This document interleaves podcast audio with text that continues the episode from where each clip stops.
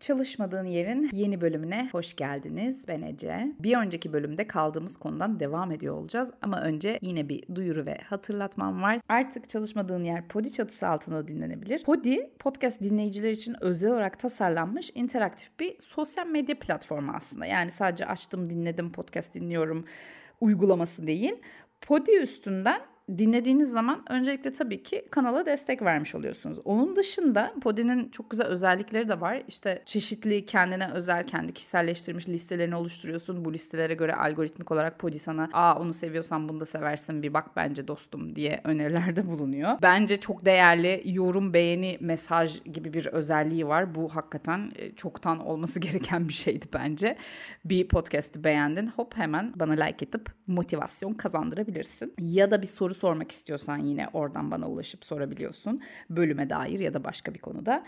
E, alıntı yapma özelliği ben çok seviyorum. Podcaps diye de geçiyor. İşte bir bölümün bir dakikalık bir kısmını çok beğendin. Bir yerde paylaşmak ya da birine yollamak istiyorsun. Hop orada hemen kesiyorsun uygulama üzerinden. Paylaşıma hazır hale getiriyor. Sesli bir paylaşım formatı şeklinde. Kısacası Podi çok güzel, çok renkli bir kullanım alanı. Aslında sadece podcast dinlemek için değil, başka etkileşimler için de çok şeker bir interaktif havuz. Beni Podi üzerinden dinlemek için sadece Podi'yi indirip kullanıcı hesabı açman yeterli. Evet, gelelim integralizme mi? Bir önceki bölümü dinlediyseniz zaten yeteri kadar kafanız karışmıştır. Şimdi o karışıklığı birazcık daha dağıtıp iyice karıştırıp ondan sonra toparlayacağım. Ne dedik? Ken Wilber'ın aslında integralizm düşünce sisteminden bahsettik. Gelecekte bizi bekleyen olmasını hayal ettiğimiz ütopik de olsa bir parça yeni çağın inanış biçimi teorisi aslında integralizm.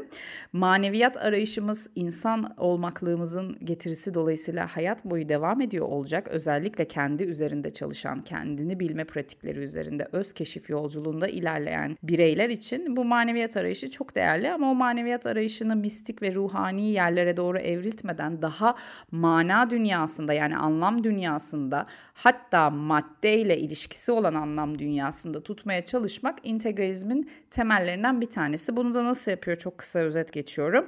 Bütün o uygarlık tarihi boyunca gelmiş kadim öğretilerin en güçlü taraflarıyla günümüz sosyal evrimin, bilimin, teknolojinin, nörobilimin, aklınıza gelebilecek bütün kognitif gelişimlerin doğruladığı taraflarını bir havuzda birleştirip bütünlüyor. İntegralizm de zaten birleştirme, bütünleme demek. Şimdi integralizmin temel elementlerinden bahsediyorduk bir önceki bölümde 5 elementten. Bunlardan bir tanesi de James Fowler'ın inanç gelişim kuramı. Bu kuramı integral düşünce sistemi dışında da duymuş biliyor olabilirsiniz. Sosyolojide sanırım çalışılan bir konu zaten bu. İnanç gelişim kuramı yaşam döngümüzde bu manevi değerleri ve davranışları geliştirirken hangi evrimsel süreçten geçtiğimizi teorize ediyor aslında. Yine bir insanlık tarihi mefhumu var burada. Bu da bir katman. Bir de yine bireysel aslında kişisel hayat yolculuğumuz içerisinde bu kuram ilerliyor oluyor. Birinci aşama sezgisel yansıtmacı, ikinci aşama mitsel gerçekçi, üçüncü aşama sentetik geleneksel, dört bireyselleştirici, yansıtıcı, beş birleştirici, altı evrenselleştirici. Bir önceki bölümden hatırlarsanız bir de gelişimin aşamaları vardı insanlık tarihinde ve kişisel tarihte. Jean Gebser'in yine kendi kuramıydı. Arkaik, büyülü, mitsel, rasyonel, çoğulcu, integral diye ilerliyordu. Şimdi bu Fowler'la Gebser'in kuramları zaten tablo üzerinde birbirinin üzerine yerleşiyor. Yani yan yana birbirini doğrulayarak ilerliyor. İşte bir dedik sezgisel yansıtmacı büyülüye tekabül ediyor. Arkaik, arkaik ve büyülüye tekabül ediyor. İki mitsel gerçekçi mitsele tekabül ediyor. İşte sentetik geleneksel mitselin bir devamına tekabül ediyor. Bireyselleştirici rasyonel vesaire şeklinde böyle ilerleyerek paralel gidiyor Fowler'la Gebser'ın kuramları. Bunlar dediğimiz gibi bilincin ve inanç sistemlerinin yani inanma eğilimlerimizin gelişim aşamaları. Dediğim gibi bir önceki bölümde de disclaimer vardı mı? İnanç ve inanışı lütfen dini bir çerçevede ele almayalım. Daha anlam yükleme, hayata, varoluşa, kendi benliğine benliğine, evrenle ilişkine, parçadan bütüne giden yoldaki o gözlemlerine ve deneyimlerine anlam yükleme süreci buradaki inanç ve inanış kelimelerinin tanımladığı alan. Evet Fowler'dan devam edecek olursak bir dedik sezgisel yansıtmacı aşama. Birinci aşama yani büyülüye tekabül ediyor dedik. Bir önceki bölümde bahsettiğimiz büyülü kısım hatta işte 18 aylıkken bebekken falan demiştim. Emniyet, güvenlik, hayatta kalma dürtüselliğin hakim olduğu ve sadece birinci tekil yani ben perspektifiyle sınırlı olduğun bir alan bu. Dolayısıyla aslında nispeten tırnak içerisinde ilkel bir dönemi temsil ediyor. Daha sadece ben varım ve benim dürtüsel ihtiyaçlarım var. Emniyet ihtiyacım var, güvenlik ihtiyacım var. Sonra ikinci aşamaya doğru geliyorum artık dünyayı algılayış biçimimde. Mitsel gerçekçi kısım. Bu mitsele tekabül ediyor Gebser'ın sisteminde. Burada mucize güç konumlandırması ekleniyor diyor. Tanrı, tanrılar, güç sembolleri, ritüeller, ilahi kavrayışı daha zihinde sembolize etme çabası, batıl inançlar bu kısımda devreye giriyor. Açıklayamadığın, algılayamadığın şeyi başka bir şeyle ilişkilendirme eğilimi aslında. Daha sonra üçüncü aşamada sentetik geleneksel kısım geliyor, aşama geliyor. Fowler'da bunun Gebser'daki tekabül ettiği nokta yine mitsel. Buradaki tek fark görüşün yani perspektifin ben merkezciden etno merkezciye geçmesi. Yani aslında benden çıkıyorum. Yine bir ilahiyat arayışı, ruhanilik arayışı var. E ama bunu bu sefer birazcık daha topluluğumla yapıyorum. İşte kabile oluşumu, klan, dinlerin oluşumu, örgütlü inanç sistemlerinin oluşumu, toplum, ulus kavramlarının çekirdeğinin başladığı yerler. İşte kitap, peygamber, dinsel teşvik, otorite, dogma gibi kavramların yerleşmeye başladığı kısım burası. Dördüncü aşama ise bireyselleştirici, yansıtıcı Fowler'da. Gebser'daki bunun karşılığı da modern, rasyonel. Orada ne dedik? Rasyonel artık yetişkinlikle özdeşleştirilmiş bir süreç. İnsanlık tarihinde de 20. yüzyılın başıyla belki birazcık 19. yüzyılın sonları işte sanayi devrimi ortaları falan oraları da denk geliyor gibi düşünebiliriz. Burada biraz daha nesnellik ve şüpheciliğin başladığı, kendi deneyimleri özelinde tüme bütüne dair kavram ve inançları sorgulamaya başladığı bir dönem insanın. Ve artık üçüncü şahıs perspektifi ekleniyor umarız yani. Çünkü benden senden çıktım artık başka bir perspektiften daha dışarıdan bir yerden daha şüpheci ve nesnel bir yerden bakmaya ihtiyacım var. Hem kendi deneyimime hem senin deneyimine hem de dünyayı ele alış biçimimize ve sezgisellikle mantığın aslında birleşmeye başladığı nokta burası bu bireyselleştirici ve rasyonel kısım. İşte Budizm tam olarak buradan aslında sürecine başlıyor. Budizm hiçbir zaman arkaik, mitsel ya da büyülü bir dönemi temsil etmiyor. Tam olarak bu rasyonel dönemi temsil ediyor ve en başından beri zaten işte Ken Wilber'ın da hep vurguladığı şey Budizm'de asla dogma yoktur, otorite yoktur, salt inanç yoktur yani içi boş inanç yoktur. Mitolojik figürlere minimum yani yok gibi bir şey neredeyse yer verir. Yine burada tekrar söylüyorum Budizmin kendi başka içerisinde farklı şekilde merkezden başka yere doğru evrilmiş olan yerel akımları söz konusu değil. Temel çekirdek Budizm'den bahsediyoruz. Hatta belki bir, bir tarafıyla Zen Budizme doğru evrilen bir taraf. O yüzden doğrudan kişisel deneyim ve akıl aracılığıyla kavranabilmeyi ele aldığı için Budist sistem bir idrak e, meselesi var burada ve doğrudan zaten dördüncü aşamadan başlıyor Budizm. Bu yüzden zaten integralizmin temeline Budizmi oturtuyor. Zaten belli bir mertebeyle hiyerarşik olarak başlıyor diyor hiyerarşiyi olumlamamız gerektiğini de geçen bölümde söylemiştim hatırlarsınız belki. Hiyerarşi evrenin oluşum sürecinde, evrimimizde de önemli bir şey doğa bilimlerinde. Beşinci aşama birleştirici. Bunun Gebser'daki karşılığı postmodern çoğulcu. Bu da günümüze şu ana temsil ediyor. İşte postmodern dönemin içerisindeyiz zaten. Buradaki nokta şu perspektifler artıyor. Evet artık üçüncü şahıs perspektifi iyice çoğalıyor ve katmanlar oluşturmaya başlıyor. Dolayısıyla bir uzlaşma ihtiyacı ortaya çıkıyor ve öte ötekileştirmeme vurgusu değer kazanıyor. Çünkü bütünleşmeye giden aslında ilk adımı burada atacağız. Yani perspektif arttıkça uzlaşma gerekecek ve uzlaşma ile birlikte o bütünleşmeyi sağlamak durumundayız. Burada pasif bir tolerans değil, aktif bir kucaklama ve kapsama tanımının altını önemli çiziyor Ken Wilber. Ben de çiziyorum. Çünkü şu an mevcut postmodern paradigma kendi içerisinde daha birinci kademede olduğu için yani ilerlemiş seviyesine gitmediği için, integral boyutuna henüz gitmediği için dünya. Postmodernizmin temel paradoksu kendini göstermeye başladı zaten çoktan. Yani kendi kanatlarının altında okey tamam ben her şeyi kucaklıyorum ama o kanatların altında bu sefer tekil olan o farklı olan şeyleri de bir sindirme ve eritme çabası kendini göstermeye başladı. hiçbir şey daha üstün değil evet öbüründen ama çoğulculuğu bunların hepsinin üstüne koyduğumuzda da yine bu bir paradoksa sebep oluyor. Tamam güçlü bir duyarlılık hakim işte buna son dönemde woke culture diyoruz. Hani her şeyin duyarlılığını gösteriyor olmak ve bu Kantar'ın topuzunun kaçtığı nokta aslında hiyerarşiyi full reddetmek. Burada yine postmodernizmin en temel özelliklerinden bir tanesi. Hiyerarşiyi reddedebilirsin belli bir çerçevede okey ama farklılıkların yitimine sebep oluyor bu hiyerarşi reddi. Çünkü hatırlarsak bir önceki bölümde o atom organizma ilişkisindeki süreçte kayıp yaşatıyorsun bu sefer. Yani ben hiyerarşiyi reddediyorum dersen organizmayı oluşturan şeyin atom olduğunu ve onun önce bir molekül aşamasından geçmesi gerektiğini de reddetmiş oluyorsun. E nasıl oldu bu organizma? E oldu işte bir şekilde. Dolayısıyla postmodernizmin şu an içine düştüğü paradoks bu. Ken Wilber da bunu anlatıyor zaten kitabında ve gerekli olan hiyerarşileri, stage aslında bunlar, yapı söküme uğratıyor ve bu bir problem şu an için. Zaten bu yüzden woke culture şu an toplumsal ve evrensel olarak bir sorunlu mekanizmaya dönüşmeye başladı. Dikkat çekiyor. E çünkü hiyerarşi aynı zamanda büyümenin sembolü ve hiyerarşi dediğimiz şeyi illa böyle sınıfsal ve katı bir yapı gibi görmek zorunda değiliz. Hatta tam tersi evrendeki hiyerarşi böyle değil. İç içe geçmiş helezonik bir yapı. O yüzden doğanın bir parçası olan bir hiyerarşi var. Bunu engelleyemeyiz. Ve burada postmodernist yani bu aşamanın yine paradokslarından bir tanesi aslında hiçbir renk birbirinden üstün değildir. İşte kırmızı kırmızı da kırmızı yeşilden üstün değildir, yeşil maviden üstün değildir diyorsun ama bu sefer hepsi o kadar birbirinin içerisinde erimeye başlıyor ki yeşil de kalmıyor, mavi de kalmıyor, kırmızı da kalmıyor. Her şey tek bir renge doğru evriliyor. Yani şu anki postmodernizmin handikapı bu aslında. Ken Wilber da bundan bahsediyor bu aşamanın tehlikeli olması kısmından. İşte bunu da çözdükten sonra altıncı aşama evrenselleştirici Fowler'ın tabiriyle. Gebser'ın tabiriyle de bütünleşmiş olan integral görüşe ulaşmış oluyoruz. Bu büyüme hiyerarşisini gözeterek az önce bahsettiğimiz o handikapın içerisinde erimeden bütünle ilişkindeki ayırt edici tarafları da korumayı önemsersen ve her şeyin tek renge dönüşmesindense farklı farklı renklerin bütünü oluşturduğunu idrak edersen integralizmi yakalamış olursun diyorlar. Ve o iç içe geçmişlik, o canlılık, o bağlı yapı aslında hayatta kalacak olan şey. İşte bilmek ve hissetmek, bilinç ve olmak, epistemoloji ve ontoloji bunların aynı anda bir zemin oluşturması gerekliliğini vurguluyor Ken Wilber. Burada çok kısa kadranlardan bahsedeceğim. Yine işte o beş elementten bir tanesi integralizmin formülizasyonundaki. Kadran bir şeye bakmanın yani bakış açımızın dört yolu. Aslında perspektif de diyebiliriz. Zaten işte böyle bir daire içerisinde bölümlendirilmiş ben, o, biz, onlar şeklinde. Ben birey, ben yani adı üstünde. O bireyin dışındaki öteki.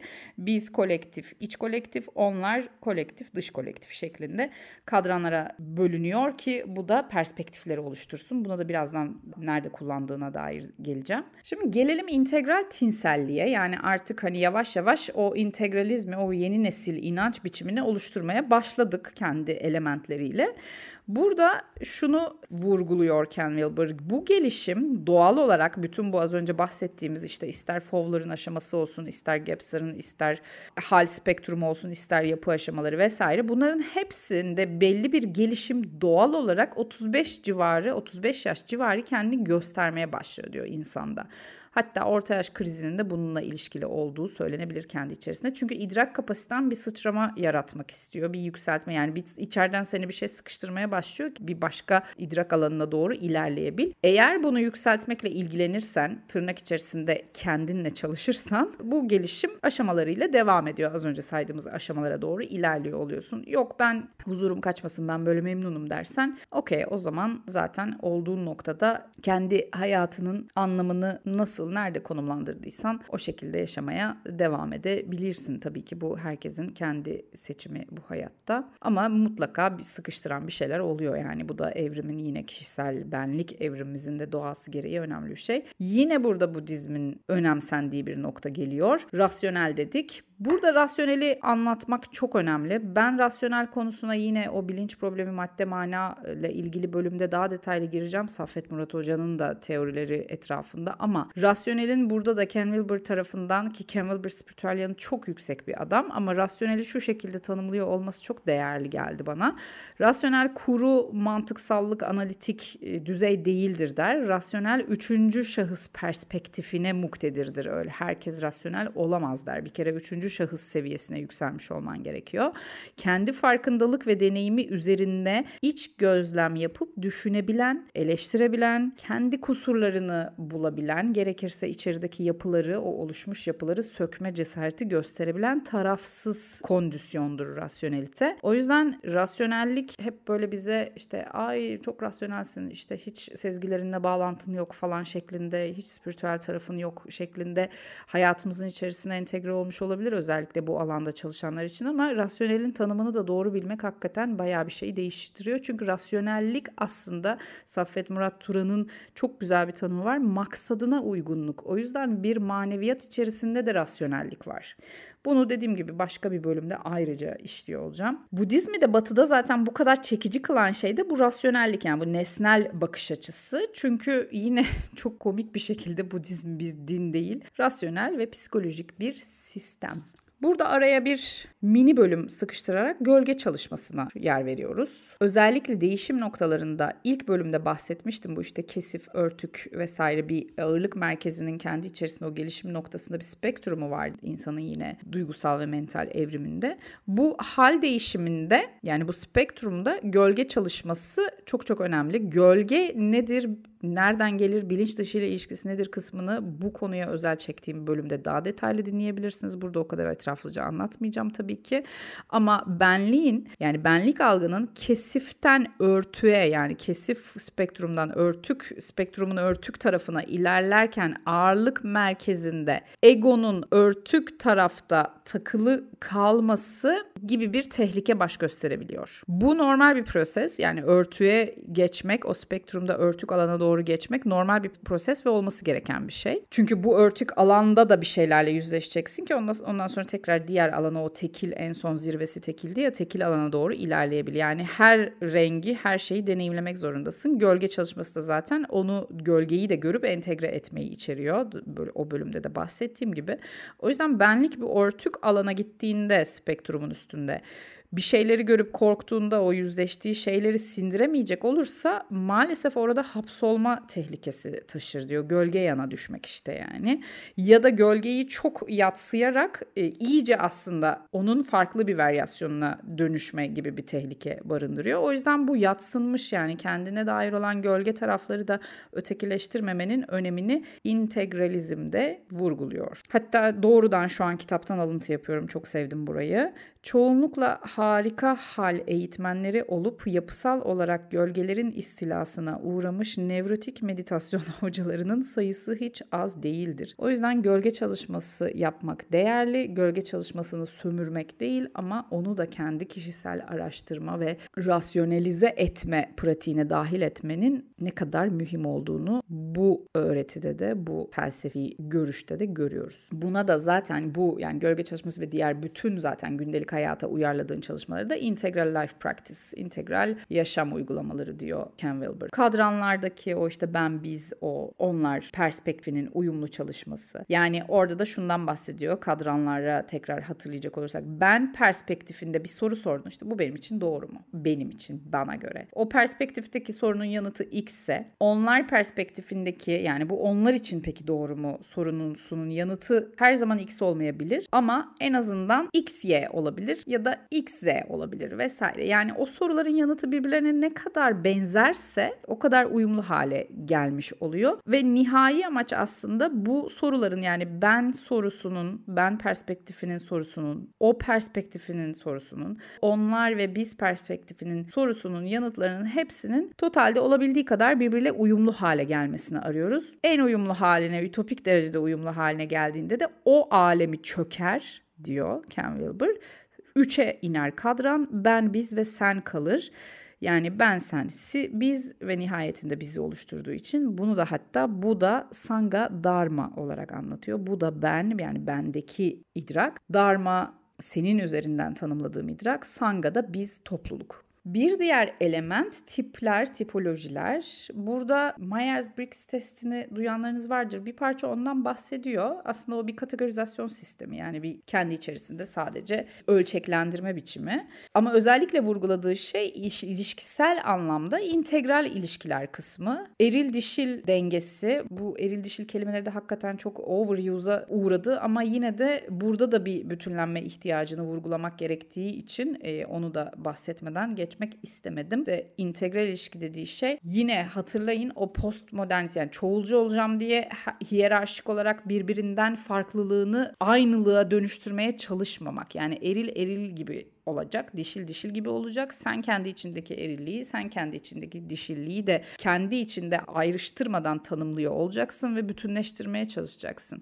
Yani eril herkes eril olsun, herkes dişil olsun ya da herkes %50 eril, %50 dişil olsun gibi bir taraf değil. Burada o renklerin o haliyle, oldukları haliyle yaşayabilmeleri prensibi bütünlenmenin formülü. Ve nihayetinde zaten yine integral ilişkiler boyutunda da bize doğru ilerliyor. Bunu illa romantik ilişki kısmında zaten integral ilişkileri romantik ilişki anlamında ele almıyor sadece. Biz dediğimiz şey burada çok tatlı bir tanımı var kitapta. Sonraki bu da sanga olacak diyor mesela. Sanga topluluk demek. Yani bir bütün olarak uygulayan, bir şeyi uygulayan insanlar grubu.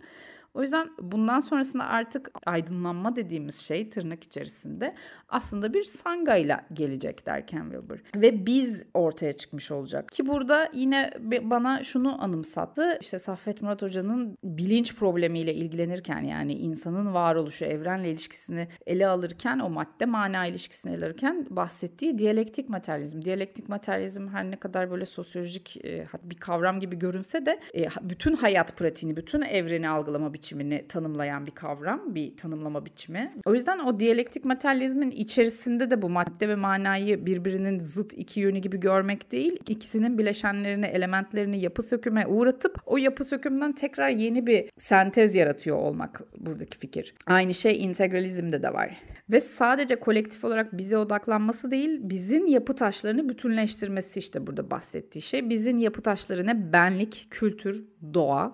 Benlik dediğim gibi yani biz olduk diye ben otantik kimliğimden vazgeçiyor olmayacağım. İntegralizmin içerisinde renklerimiz eriyip başka renklere karışmayacak. Hala kendi özgün renklerini, otantik kimliğini taşıyor olacaksın. Hatta öyle bir biz fikri olacak ki öyle bir integral bir fikir ortada olacak ki sen onu daha çok daha rahat, çok daha özgün bir şekilde yaşayacaksın. Çünkü günümüz toplumunda aslında tam tersi biz fikri olmadığı gibi hiç olmayan bir biz fikrinin altında bile otantikliğimizi yaşayamıyoruz. Yani bir hani çok klişe olacak ama hakikaten o çarkın dişlilerine arasında sıkışıp sıkışıp onun dönmesine hizmet etmekten başka neredeyse yapacak hiçbir şeyimiz kalmıyor. Hasbel kadar böyle kafamızı çıkarıp nefes almaya çalışıyoruz işte kendi perspektifimiz, kendi farkındalığımız ölçüsünde ne kadar olabiliyorsa. Nihayetinde işte o bizim bu yapı taşlarını koruyarak bütünleşmesi durumu da yüksek farkındalık, integralizm.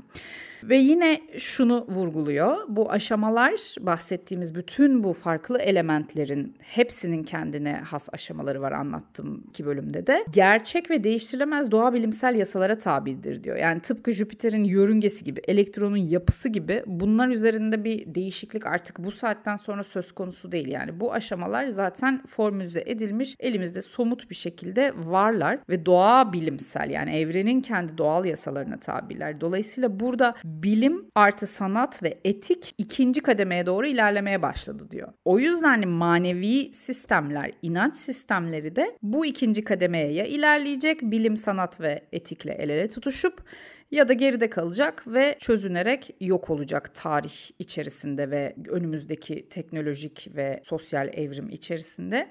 Budizm bu anlamda en gelecek vadeden sistem olarak başı çekiyor. Çünkü hem kendi dedik işte az önce rasyonel nesnel doğası yapısıyla hem bilimle hiçbir zaman ayrı düşmemiş, hiçbir zaman sorun yaşamamış dogmadan uzak tarafıyla şu anda en ideal gelecek vadeden inanç biçimi işte integral Budizm olarak görülüyor. Anlatacaklarım hemen hemen bu kadardı. Kafa karıştırıcı iki bölüm oldu ama bence en azından çekirdek fikrin ne olduğuna dair bir şeyler söylediğimi düşünüyorum. Daha detaylarını öğrenmek yani çünkü gördüğünüz üzere kendi başına başlı başına bir inanç biçiminden bahsediyor adam ve bir inanç biçimini kurgulamak öyle aa işte ben şuna inanıyorum demek gibi kolay bir şey değil. O yüzden bunu kurguluyor olmak, bu mana anlamlandırma eğilimini bu kadar formülize ve teorize ediyor olmak e, epeyce tabii ki karmaşıklık barındırıyor içerisinde çok doğal olarak. Sorularınız varsa ne dedik? Podi üzerinden bana yollayabilirsiniz. Kalpleriniz, mesajlarınız, aman da ne kadar da güzel bölüm olmuş falan gibi böyle yüreklendirici yorumlarınız varsa onları da Podi'den yazabilirsiniz. Kısacası Podi üzerinden bütün kanalla ve bölümlerle etkileşime geçebilirsiniz. Bir sonraki bölümde görüşmek üzere. Hoşçakalın.